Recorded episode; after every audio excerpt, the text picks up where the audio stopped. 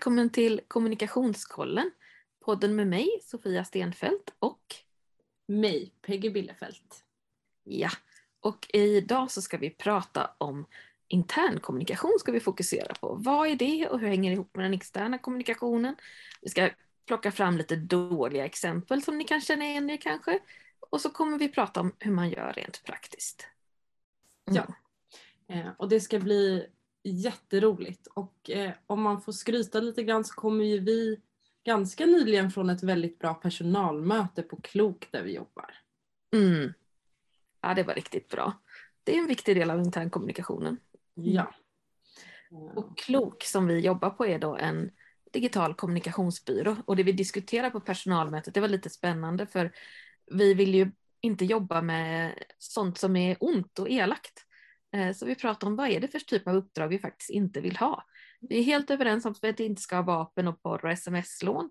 Och så sedan så är det lite mer så här andra där det är svårare att säga. Men, men vad tycker vi om eh, vad, är, vad ska vi definiera som klimatfarligt och inte och så där. Det är jättespännande.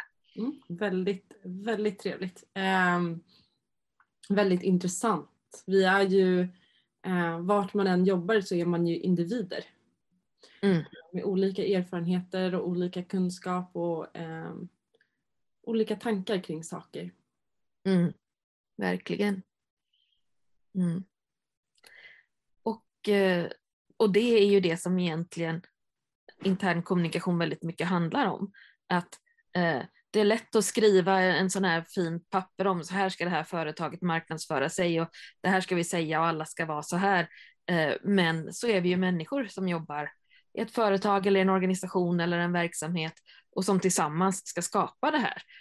Um, och ett stort företag så är vi kanske hundratals eller tusentals som är med och möter kunderna. Um, och hur ska, det liksom, hur ska vi få det att hänga ihop och bli en bra, ett bra synk uh, över hela linjen? Mm. Um, så vi har ju pratat väldigt, vi pratade lite grann om intern kommunikation när vi pratade om hur man ber om ursäkt.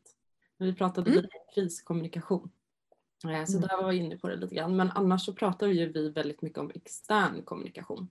Mm. Um, är det lika viktigt att jobba med extern kommunikation som intern kommunikation, Sofia?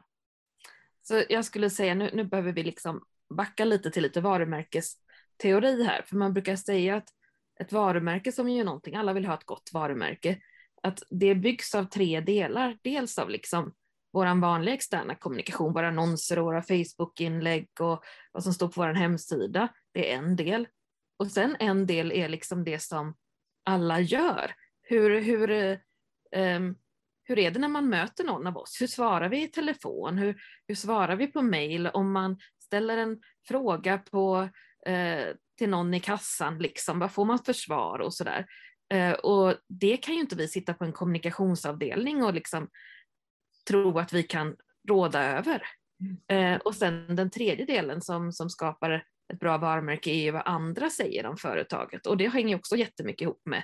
Så om, om någon har fått ett liksom riktigt surt jävla svar i kundtjänst så kommer den ju berätta det vidare och det kommer spridas och um, den personen kommer bli besviken och säkert andra runt omkring. Så, och det är där internkommunikationen kommer in, um, att, att liksom se till att skapa vettiga förutsättningar för att andra också kan, kan representera oss på ett bra sätt. Mm. Precis. Och inte bara internkommunikation, också vettiga arbetsvillkor. Ja. Om man inte får betalt ordentligt så kan man, har man rätt att vara sur, skulle jag säga. Ja, eh, och, och de grejerna går ju oftast lite in i varandra. Eh, mm. Alltså finns det en bra intern kommunikation så, så brukar eh, verksamheten i stort må mycket bättre. Eller det är kanske en indikation på att saker är ganska bra i verksamheten. Ja men verkligen. Eh, och jag tänker att de ställena där det finns bra, där verksamheten mår bra, då är det ofta så att folk vill vara med och göra något bra tillsammans. Och så fin, har vi det, nu tänker jag på det här exemplet som kom från ett schweiziskt flygbolag här om året där de hade liksom en klädkod som har jättemånga sidor som sa du får använda den här färgen på ögonskuggan men inte den här och kjolen ska vara exakt så här lång och, och du, klackarna får vara max sådana här centimeter men in, de måste vara minst så här centimeter. Eh, och då tänker jag, då har man ju inte någon bra eh, intern kommunikation när man tror att man ska lösa det genom att komma med en jäkla regelbok eh, och styra människor som om de vore robotar. Mm. Mm. Precis. Precis. Och vi pratar ganska mycket om det när jag utbildar att överlag med alla, ehm, även om det handlar om extern eh, kommunikation, hur man ska prata utåt, eh, när jag pratar om så grafisk profil och tonalitet och olika typer av policies, det är någonting som ska vara enkelt att ta till sig. Mm. Någonting som verkligen ska gå att läsa Mm. eh, och se till att, att det går att implementera också. Och där tänker jag att det är en, för vi utbildar ju ganska mycket i kommunikation och marknadsföring, och att det är så himla stor skillnad på dem när vi utbildar sådana som kommer egentligen ganska direkt från gymnasiet. Eh, då kommer de här diskussionerna ganska sällan upp, för de på något vis tänker att ja, men, folk är logiska och rationella i arbetslivet, så om det är så här vi ska göra så gör folk så här. Eh, men så utbildar vi också folk som har jobbat i 10, 20, 30 år. Eh, och då är det ju det här som alltid är fokus. Okej, ja, men hur får jag alla mina kollegor att också svara på det här sättet i sociala medier eller eh, prioritera e-posten eller ge mig bidrag till vad som ska upp på webben eller så. Ja. Och vad, vad finns det för förväntningar pratar jag väldigt mycket om. Alltså är det Mm. klart vad alla ska alltså förväntas göra på en arbetsplats. Det är nästan det jag stöter på mest. Ja, Alltså hur mycket tid får man till att göra saker? Vad är det för resultat? Vad, eh, vad är det för arbetssätt som man Mm. förväntas ha? ja, men verkligen jättemycket om egentligen hur vi gör det. Mm. Eh, Och, och här liksom om man ska tänka vad intern kommunikation är så är det ju allt från våra, våra möten och eh, hur vi mejlar internt, om vi har något intranät, eh, om vi har något eh, internt så här, nyhetsbrev från vd, finns i en del företag, så här, allting som vi kommunicerar internt och ibland så är det lite så här det bara blir och ibland är det väldigt genomtänkt.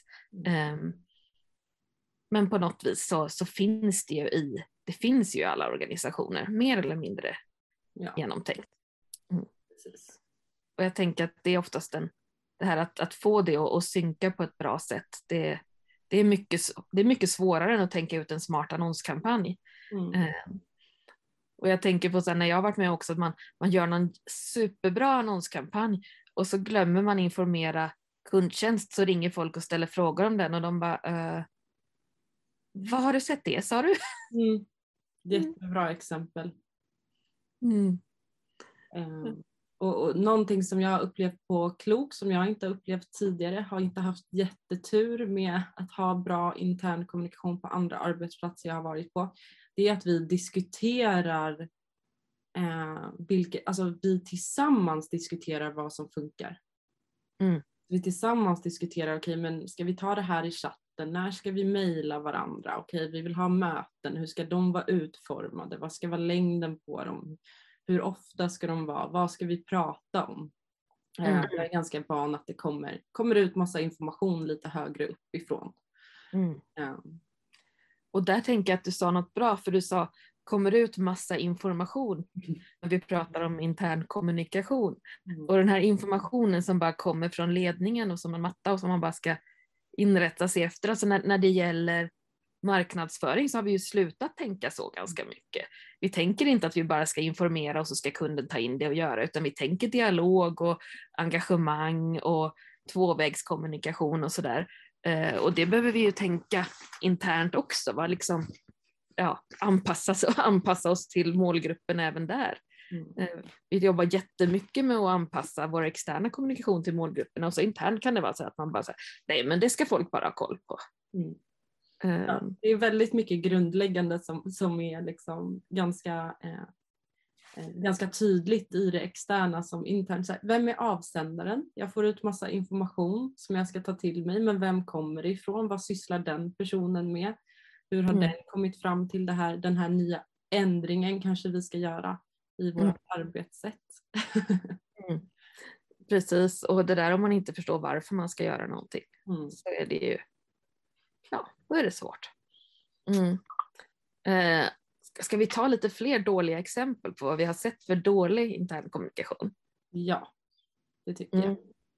Jag hade ett exempel för, för länge sedan när jag jobbade på ett fackförbund där internkommunikationen på något vis tog över det externa också. Eh, så, så när jag, eh, för, för, att liksom, för att internkommunikationen inte funkade till exempel så, så tyckte, tyckte man att man, man hade inte något bra sätt att koppla vidare samtal och växeln funkade inte så bra. Så, så var liksom en stor irritation att folk ringde till fel. Så när man blev medlem där så i sitt välkomstpaket så fick man en lista med alla anställda på kansliet och vad man skulle ringa vem om.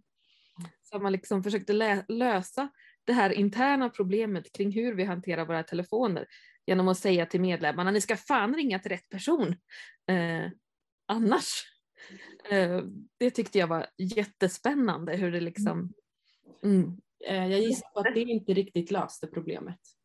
Nej, det löste, det är klart att det inte löste problemet, för för det första så, så vem fan skulle läsa det där? Man fick ett välkomstpaket med massa olika saker eh, och en lista med det. Och det kanske, jag tänker den effekten som det kanske gav var ju att någon kände oj, de vågar jag inte ringa till. Mm. Och sen om man behöver, om man är med i ett fackförbund är man ofta med många, många år. Mm. Och den där listan sätter man nog inte på sitt kylskåp. Nej. Nej. Det tror jag inte. Nej. Så det var så spännande hur den dåliga internkommunikationen bara så här pös ut eh, och skapade, tyckte jag, liksom ganska dålig stämning i vår externa kommunikation. Jag har ett exempel där jag jobbade på en, en, en verksamhet där det inte var eh, så tydligt eh, hur det gick för verksamheten. Um, och när liksom saker inte gick så bra så fick man inte riktigt reda på det vilket kunde göra att det blev situationer där det är så snabba ändringar mm. utan att man liksom såg att det var på väg att hända. Mm. För att man inte var medveten om att okej okay, men nu går det inte så bra. Utan det blev bara så här okej okay, nu har det inte gått så bra på senaste, jaha okej. Okay. Så nu ska vi göra de här stora ändringarna. Mm. Um, och det har ju bara gjort en osäker och då vet man liksom eh, det är jättehärligt att fira när det går bra och att alla är liksom så okej okay, nu är det bra siffror och sådär men när saker hålls liksom lite vid sidan av och sen att det fattas beslut mm. eh, som ändå påverkar alla blir ju inte bra. Och där finns det ofta någon så helt felaktig tanke också om att vi ska inte säga det här för vi ska inte oroa personalen. Eh, så, så därför så här, ja, men vi, ska, vi ska bespara personalen från, från det här problemet vi har eller att vi, in, att vi liksom går back eller sådär. Eh, vilket ju bara blir jättedumt för för det första så brukar det märkas i stämningen ändå att någonting inte är riktigt som det ska. Och sen för det andra så personal, personalen kommer ju då få värsta chocken istället för att få komma in lite tidigare, få veta så här är läget och då kunna bidra eh, med sina idéer och sina tankar. Och sen så är ju en stor risk att någon får reda på det ändå. Ja. Och går runt och sprider runt att så här, det här har jag hört och då kanske, det, då kanske det blir ännu mer överdrivet än vad det egentligen är. Att man har hört en liten del av vad som händer. Uh, mm. Och så trissar man upp varandra och diskuterar utifrån kanske några få detaljer som, som man mm. har råkat få höra eller ta del av. Och, snack, och det är någonting som kostar mycket, mycket pengar eh, att ha en arbetsplats där man hela tiden måste gå och gissa och försöka hitta information och, och liksom lägga ihop och pussla ihop. Så det, folk kan lägga en halvtimme per arbetsdag på det där som man förlorar i liksom intjäning och det går inte bara att säga till folk att sluta med det för vi behöver ha en trygghet på den där vi liksom befinner oss åtta timmar om dagen. Mm. Så det är helt mänskligt att det blir skvaller och att det blir att man försöker hitta information om man inte har den. Ja, absolut. Det är inte, det är inte medarbetarna det är fel på i det sammanhanget, det är kommunikationen det är fel på. Mm. Ehm, sen har jag ett annat exempel. Mm. Ehm, jag jobbade inom äldrevården ehm, och det blev liksom, det boendet jag var på blev uppköpt. Alltså det mm bytte ägare väldigt ofta. Det var liksom kommunen och sen var det någon annan som gick in och så byttes det ofta. Mm. Um, och de var ju olika bra på att ge information om vad som gäller och sen var det olika avdelningar på det här boendet. Mm. Ja, och då var det väldigt tydligt under eh, corona att det kom olika information om till exempel hygien. Alltså okej, Mm. vad är det som gäller nu? Hur många munskydd ska vi ha? Vi ska, okej, vi ska rengöra ytorna men då kunde det vara olika mellan olika avdelningar. Och då kanske chefen sa på ett sätt och sen så satte upp, fanns det affischer som sa, sa någonting annat och så stod det någonting annat på intranätet. Och så sa kollegor olika grejer och sen så kommer media och säger olika grejer så det fanns liksom ingen, ingen röd tråd i vad som egentligen gäller. Nej. Och jag tänker att det är egentligen inte så himla svårt. Nej. Sam, samla er och bestäm er. Ja, Men det, men det är också sådär, för då kan man, vi vet inte riktigt. Nej, men då får ni ändra er senare. Det går bra att ändra sig. mm, Bara man berättar om det. mm. Och det hade kunnat vara en timme, samla all personal, gör en genomgång. Ja, låt alla ställa sina frågor och Mm. komma med sina funderingar. Och för, för det är också det när man, man har möjlighet att prata med varandra. Kanske till och med liksom samla all personal och så be dem och, och liksom så här, tänka ut vad kan det vara för missförstånd här. Precis. Och där tänker jag också att det är väldigt viktigt med en dialog. Eh, så här, vi jobbade på golvet, vi vet liksom vad som är också praktiskt genomförbart. Så till exempel Mm. för oss, de här plastskynkorna vi skulle ha på oss, de var så dålig kvalitet att det tog oss fem minuter att sätta på oss dem Mm. varje gång för att de liksom satt ihop så man fick stå och dra isär dem eller liksom okej ni vill att vi ska städa så här mycket, när har ni tänkt att vi ska hinna med det? Mm.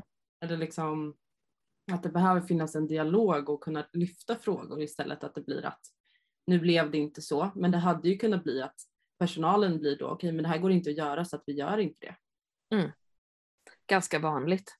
Eh, och också väldigt vanligt om man bara försöker styra genom så här, re, ja, verkligen regler och Mm. Siffror och sådär istället för att, genom förståelse. Ja. Eh, jag jobbade ett tag med, eh, med personal som jobbar på, på telefonbanker. Det finns ju inte lika mycket nu, men för 15 år sedan var det jättestort att man ringde sin bank. Eh, och då tittade jag på lite så här forskning kring, kring callcenter. För då fanns det jättemånga grejer som infördes på callcenter, typ att det var så här blinkande siffror i taket med hur många som stod i kö och eh, liksom väldigt mycket intern kommunikation som skulle skapa stress och bara få det att snabbare och snabbare och snabbare svara. Eh, och man hade ofta använt sådär att man får, liksom så här, får tillbaka sina egna siffror på, ja men du har haft 37 sekunder i medeltal eller du har haft 53 sekunder. Eh, men då var det några forskare som har varit inne och kikat på det här och sett att det som hände då, när man bara betonade liksom eh, snabbhet, det var ju att folk svar, om det ringde någon som hade tre frågor, så svarar man på en fråga, kopplar vidare till en kollega som svarar på en fråga och så kopplar vidare till en till. Så, så där är det så extremt korkat när istället för att tänka, men vad är det som är poängen? Jo, men folk ska få en bra, snabb och bra service. Men när man försöker vara så där liksom. Mm. Så intern kommunikation behöver handla om att se att folk är eh, kloka människor och anpassa sig till dem och diskutera med dem. Mm. Och där tänker jag att det kan gå in lite så här, okej men vad förväntas att våran typ av verksamhet gör och vad egentligen funkar. Det kan ju Mm. vara till exempel att så här, eh, ja men alla använder, alla använder Zoom och eh, liksom alla andra i branschen använder Zoom och använder det här chattverktyget och det är jätteflashigt om vi kan göra på det här sättet och det här sättet men man måste också titta vad som är mest effektivt och vad som funkar och vad personer egentligen gör. Är det så här, Mm. intranät har vi alltid haft, ja men funkar det? Nej, det där vet jag ett, ett ställe jag jobbade på där om man ställde en fråga så var det alltså, det finns på intranätet. Mm. Eh, och det fanns det säkert någonstans, eh, men då skulle man hitta det. Och dessutom så var det ju, alla var inte så himla datavana så, och ha- hade den där rutinen att kolla intranätet Mm.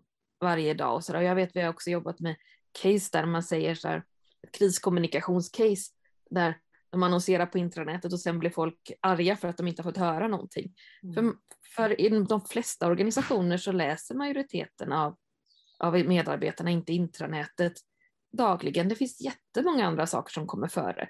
Göra sina egna arbetsuppgifter och eh, svara på kommunikation från andra och ja, men liksom, Det där kommer någon gång om jag har lite tid över för de flesta. Mm. Mm. Mm, En annan sån här sak som jag hatar är ju då när man skickar mail med jätte, jättemånga mottagare. Ja. Mm. CC till alla och Gud och fan och hans moster. Mm. Och då är det väl en känsla av att så här, men alla ska vara med på tåget. Ja, Men då kanske inte mail är det bästa. Eller Nej. så, måste verkligen alla vara med eller kan man informera på något annat sätt i efterhand? Eller så här, är det här relevant för alla? eller kan man boka ett möte på en halvtimme och reda ut det? Mm. Mm. Nej men verkligen. Eh, och nu pratar vi om intern kommunikation eh, överlag och, eh, och inte bara kopplat till, till extern kommunikation. Eh, men det hänger ju, hänger ju jätte, alltså det hänger ihop förstås med hur allting i, i verksamheten funkar. Men också hur man, hur man får till det här med, med den externa kommunikationen och med att liksom ha ungefär samma eh, bemötande. Och, eh, jag vet på ett, en arbetsplats där jag var, där hade vi på någon personaldag att vi fick prata om olika scenarios. Typ eh, om, om det är tomt i receptionen och det står någon person där och väntar och du går förbi för att hämta kaffe, vad gör du då? Eh, och där kan man säga, ja, men jag är på väg till ett möte, jag ska hämta kaffe. Mm. Eller, ja, jag säger, eh, har du fått hjälp, vad behöver du hjälp med? Om allting där, däremellan liksom. Och det var jätteintressant för då visar det verkligen så här vad, alla de här sakerna som vi gör i vardagen, hur, hur olika vi tänker där kring vad som förväntas av oss. Precis. Ehm, och jag tänker ehm, jag, tänkte på det som du sa tidigare också, det här med olika delar inom verksamheten. Alltså har vi gjort en kampanj? Är alla inom verksamheten med på tåget vad, vad, vad det är och vad som har gjorts? Så det kommer kanske jättebra slutsatser från den här kampanjen, vad man har lärt sig som är intressant för hela verksamheten eller som du säger, okej nu ska vi, nu ska vi eh, få fler personer att eh, komma till vår fysiska butik med en kampanj. Mm. Okej, har vi resurser för att fler personer ska komma till de här butikerna eller är de förberedda på det eller har vi, liksom, har vi beställt in mer sortiment eller Mm.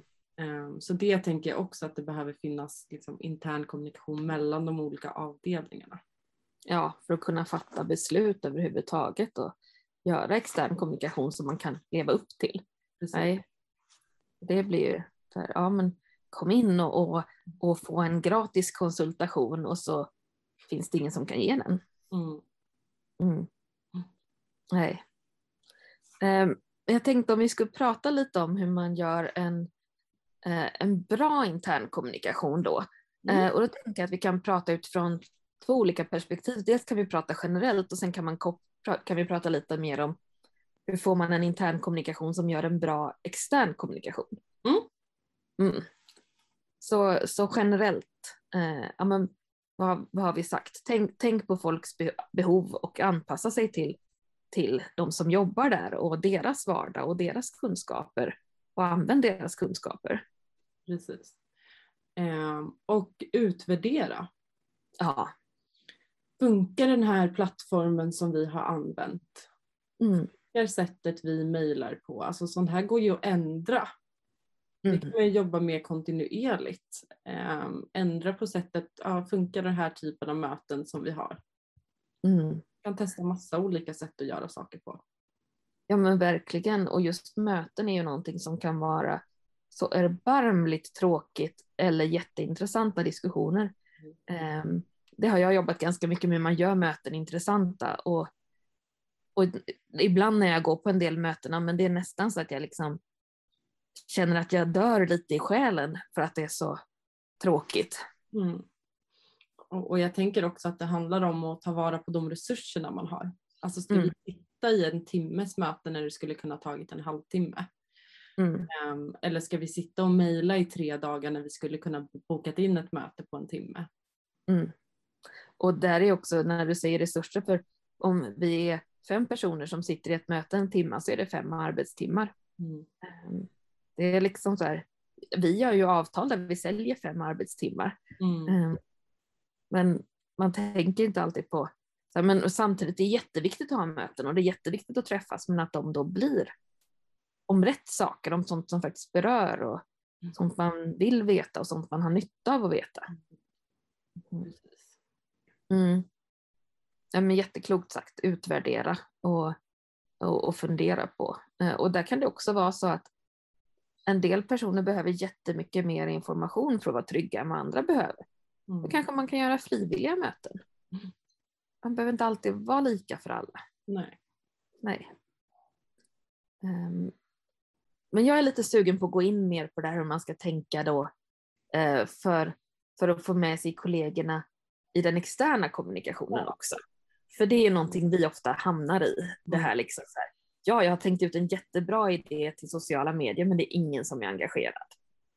Ehm, och jag tänker en, eh, en väldigt vanlig sak som jag upplever i alla fall eh, är det här att man vill att verksamheten på olika sätt ska vara, vara med liksom och ja, men, om, om bara alla kan skicka in någonting från sin del så kommer vi ha innehåll till, till hela året.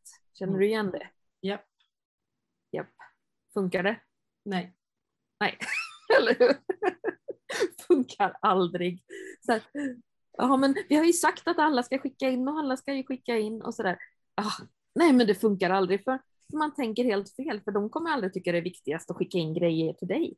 Nej. Eh, men då finns det massa saker man kan göra med intern kommunikation. Till exempel kan man ha ett litet redaktionsråd med en från varje från verksamheten som träffas en timme i månaden och säger vad händer, vad händer hos er eller vad händer hos er. Och så kan du sen åka dit och intervjua dem den Mm. dagen. Och jag, jag har faktiskt ett väldigt bra exempel på, på, på en kund som jag tycker har gjort det väldigt bra. Eh, som vill eh, starta upp ett eh, TikTok-konto. Mm. Eh, och istället för att få med alla på tåget så var det så här, vilka är intresserade av det här? Mm. Vilka skulle tycka att det här var roligt? Samla Mm. ihop alla dem och ha en ganska lång, eller de har haft en ganska lång uppstart. Alltså Mm. först så ska vi alla lära oss vad, vad är TikTok, hur fungerar det, hur skulle vi kunna använda det här för verksamheten. Eh, vi har liksom spånat idéer, gått igenom hur man skapar innehåll. Eh, alla har fått prata om vad, vad tycker de är utmanande, vad, vad känns svårt. Eh, Mm. hur ska vi lägga upp det? Vem ska vi skicka innehåll till? Hur ofta ska vi publicera? Vad, vad känns hållbart? Mm. Eh, och sen nästan hela tiden vara så här, okej men är det här fortfarande intressant för alla? Alltså, kan vi få personer att liksom säga, jo men det här vill jag göra. Mm. Så att det har varit hela tiden att kolla, finns det ett intresse för att göra det här? Då tar vi de personerna som är intresserade av det som verkligen kommer vilja göra det här. Mm. Eh, Och sen se till att det är ingenting som står i vägen för dem för att verkligen göra det. Så ser att det finns ett intresse men finns det tillräckligt kun- med kunskap? Finns det struktur? Eh, vad, vad ska vi ha för tonalitet? Eh, finns det någonting vi inte ska göra? Har pratat igenom, okej men eh, vad finns det förväntningar då? För finns det här, stora förväntningar på att vi ska skapa innehåll hela tiden? Hur mycket tid kommer det här ta, ta upp från mig? Eh, kan man diskutera enkla videos som vi kan göra som inte behöver ta så mycket? Mm. Um, så där, där tycker jag verkligen har varit ett bra exempel på eh, man behöver inte vara med allihopa utan titta på så här, inte bara gå in och bestämma det här ska vi göra och sen mejla ut. Det kanske inte finns kunskap eller intresse eller eh, man, man vet, om, man, om man skickar ut som du säger, ja, men skicka innehåll. Vad är det för innehåll? Mm. Kan alla ta bilder? Det kanske Mm. någon som är osäker på sig, men jag har bara en mobiltelefon Mm. räcker det eller måste jag skaffa mig en kamera nu? Eller? Jag har aldrig tagit bilder förut så jag vet inte hur det Nej, bara, om jag jobbar i verksamheten, hur ska jag veta vad målgrupperna är intresserade av? Alltså, nej. Nej, det är som verkligen så här, gör det här fast helt utan någon hjälp och stöd. Så mycket smartare istället så, samla ett gäng som är intresserade. Mm. Och där tänker jag, nu sitter jag och tänker på sån här, men i, i ett företag kan man inte bara säga åt folk att göra saker då? Eh, eller som en arbetsgivare. Och ja, på ett sätt kan man ju det. Eh, men dels så funkar det inget bra, eh, för folk trivs inte att jobba så. Och sen så med kommunikation behöver man ju också ha viss, viss känsla och viss inspiration och visst engagemang. Så om du säger så här, ja men äh, nu måste alla skicka tio bilder från sin verksamhet för annars så blir det löneavdrag. Ja, det är klart, då kommer man få in tio bilder men man kommer inte få in bra grejer. Man kommer inte få in det där som verkligen blir wow vilken rolig sak. Ja. Och, och där, det där tänker jag väldigt mycket på när det kommer till eh, extern kommunikation. Och som jag pratar ganska mycket om med mina studerande. Det ska ju vara roligt. Mm. Alltså det ska vara liksom för att kunna jobba kreativt som det ändå är att jobba med om vi tar till exempel skapa inlägg. Men då måste det finnas ett intresse och inspiration och så. Och då behöver man tänka okej men när jag presenterar det här internt Mm. låter det här som någonting roligt och görbart och, Mm. och någonting vi kan göra tillsammans och, eh, när det bara blir en order. Mm. Ja, men verkligen. Eh, och där har jag märkt, för, för jag har gjort några gånger så att jag har, har liksom tagit några minuter på en personalinfo och visat så här, det här var vårt inlägg som gick allra bäst förra månaden. Och titta vad mycket det fick och jättebra och, och så. Och då, då blir det liksom så här, oh, ja, men det där är ju kul. Och särskilt om man då kanske har lyft fram någon kollega i det där, intervjuat någon kollega eller haft med någon kollega på bild och så kan man liksom stå där och, och säga kolla Bosse, det var Mm. 507 personer som gillar ditt inlägg, som Mm. gillar bilden på dig här. Mm. Eh, och så bara så, oh, Mm. nu är jag värsta mimet. Mm. Precis, att, eh, om, om man tar en, en, en grupp som är intresserad av att göra det, då kommer det smitta av sig. Ja, det kommer det. Eh, Då kommer andra personer, liksom, när de har sett och, och så hört, eh, det blir också då att de hör kollegorna prata positivt om det. Ja, kanske man vågar vara med på en bild eller testa att göra någonting själv. för det är också det att vi kan ju inte kräva att folk ska liksom ställa upp och visa sig i, eh, i sociala medier eller andra liksom externa medier. Utan man behöver tycka att det känns kul och tryggt och, eh, och att man vill visa sin kunskap. Mm. Och, mm. Så, så jag tänker vi behöver tänka på, på våra kollegor precis som vi tänker på våra målgrupper där vi alltid så här, vilket beteende vill vi ändra och vilken känsla behöver man ha för att göra det beteendet. Mm. Om vi vill att folk ska bidra eller för den delen dela vidare eller sådär, ja men vad är det för känslor som kan motivera dem till det? Att de är stolta eller att de tycker det är roligt eller eh, någonting sånt. Mm. Eh, och jag pratade, var det igår, jag pratade med studerande om relationsmarknadsföring. Mm. Alltså att, att jobba med målgruppen så att man, utifrån att man har en relation med dem. Och så sa jag så här, frågade jag dem, ja, men vad tycker ni är en god relation? Alltså det kan vara till en vän eller till en förälder eller till alltså vem som helst. Vad är en god relation?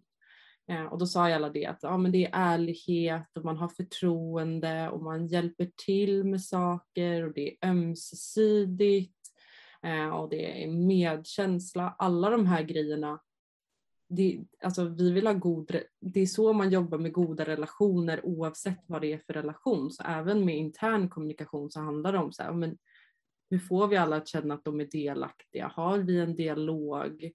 Ehm, Mm. Hjälps vi åt Mm. eh, med olika typer av saker? Är det ömsesidigt? Verkligen.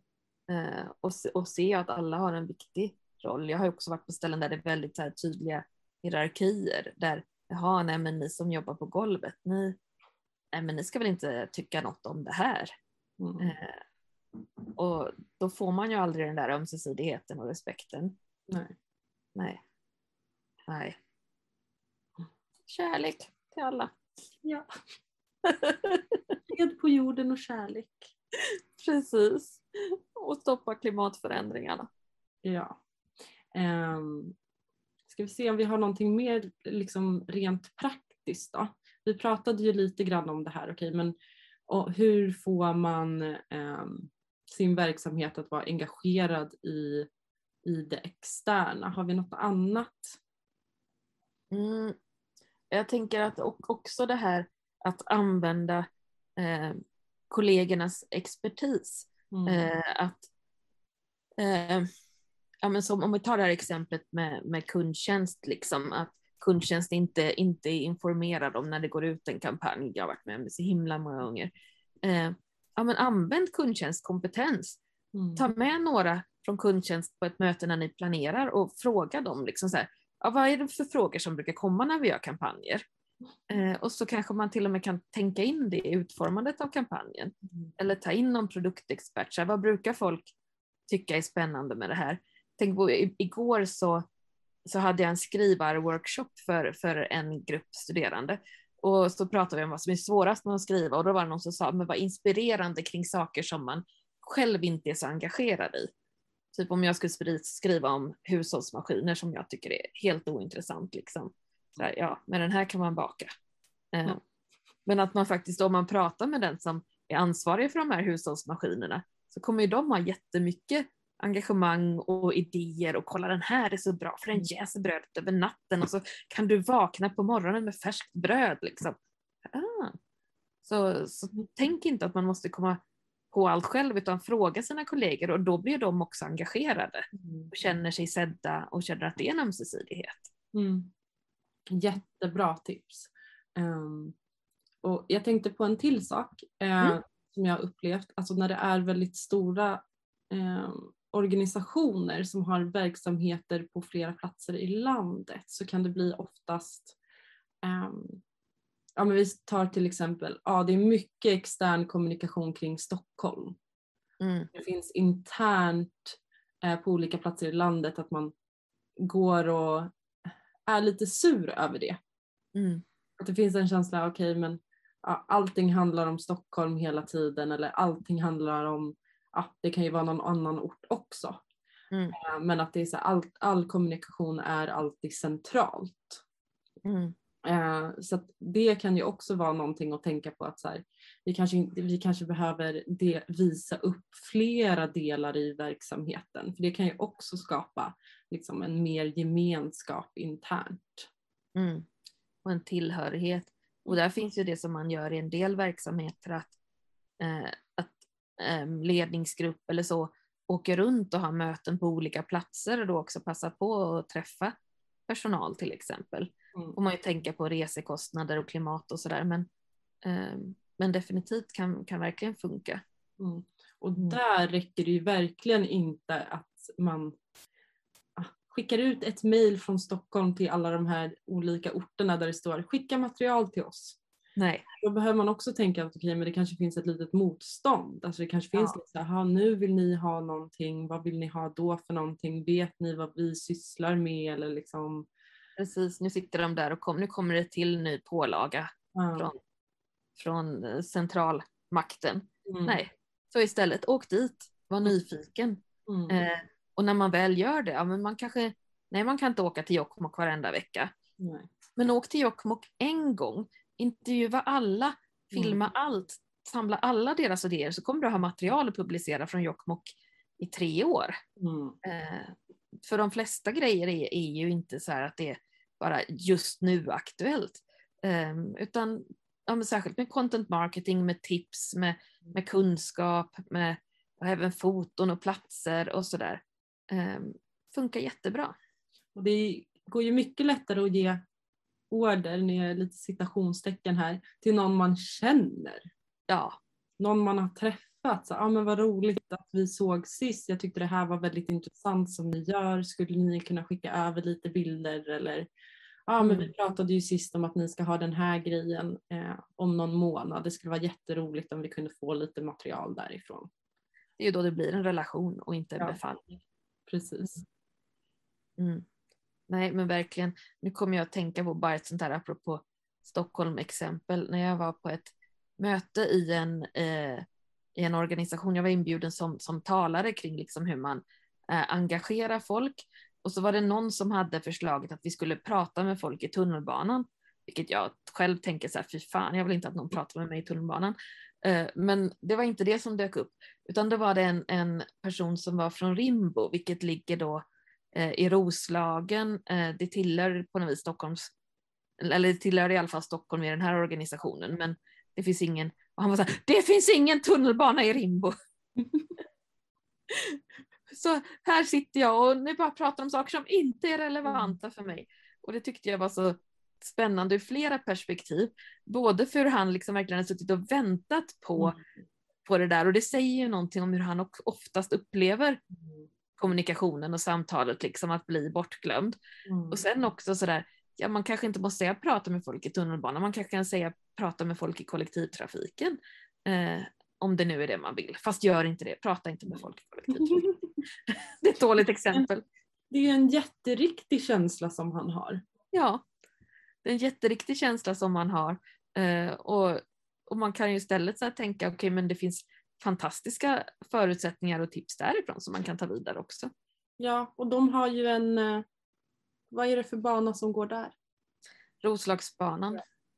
Alltså jag tror inte den går till Rimbo. Mm. Jag har ju faktiskt lite familj som bor i Rimbo. Ja, Ja, jag kan... brukar ta en jättelång buss. ja En exakt. timme Ja. Mm. Mm. Nej, men på, och jag tänker att på det mötet så tror jag att han hade inte sagt någonting innan dess. Eh, och jag tror att alla andra upplevde det som att, men vad fan, om du inte hade något mer att bidra med till, till konversationen än att det är synd om dig för att du bor på landsbygden, liksom.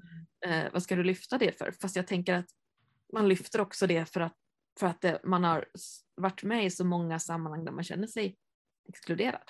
Mm. Och ofta när en person, i all, alltså, kan man säga lite generellt, om en person uttrycker en väldigt stark känsla så kommer det någonstans ifrån.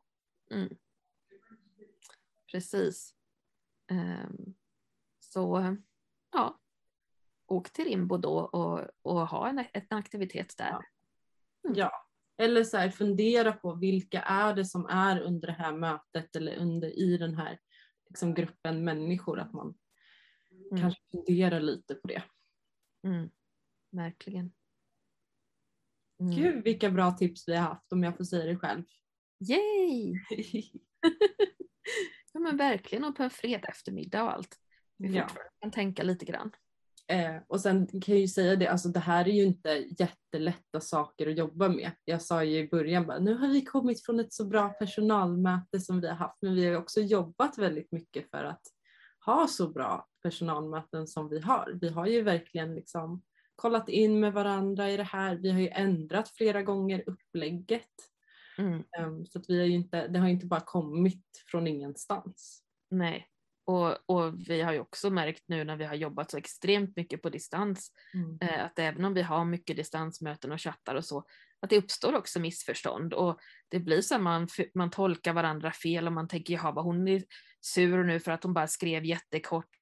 Eh, fast det kanske bara handlade om att man läste det i ett sammanhang där man inte hade tid liksom. Och, Mm. så, så det uppstår hela tiden skav och, eh, och funderingar och sådär. Och det, det är normalt, då får, vi, då får vi reda ut det. Ja, och, och det som eh, någonting, det är ju ett annat tips. Intern kommunikation, att man lär känna varandra. Ja, definitivt. Och då menar vi inte att man måste gå ut och dricka jättemycket alkohol tillsammans. Men att man pratar om saker som, som både kanske är utanför jobbet eh, men också liksom när man jobbar tillsammans, när man sitter och pratar om men vad, vad är bäst för mig, så Mm. lär vi ju känna varandra. Eh, jag vet någon gång när, när jag sa så här, men jag vill inte ha det här att man ska skicka mejl sent på kvällen för då, då blir det som ett krav att alla ska jobba på kvällen. Och så Mm. någon annan säger så här, ja fast för mig så är det ju då som jag med små barn som jag har liksom en lugnt och skönt att jobba. Om inte jag får skicka mejl då så känner jag mig jättestressad. Och då bara kunde jag säga så här, ja, nu förstår jag ditt perspektiv. Mm. Eh, Då, och då kunde vi komma till slutsatsen att det är okej att skicka mejl men man får inte ha någon förväntning att personen ska svara. Och det, blev ju, det var ju en ganska lätt lösning men det hade ju inte vi, vi behövde ju ta upp det och prata om det för att komma dit. Ja, och jag var så säker på att jag hade rätt och så hade jag bara inte tänkt på någon annans perspektiv. Mm. Så är det. Ja. Mm.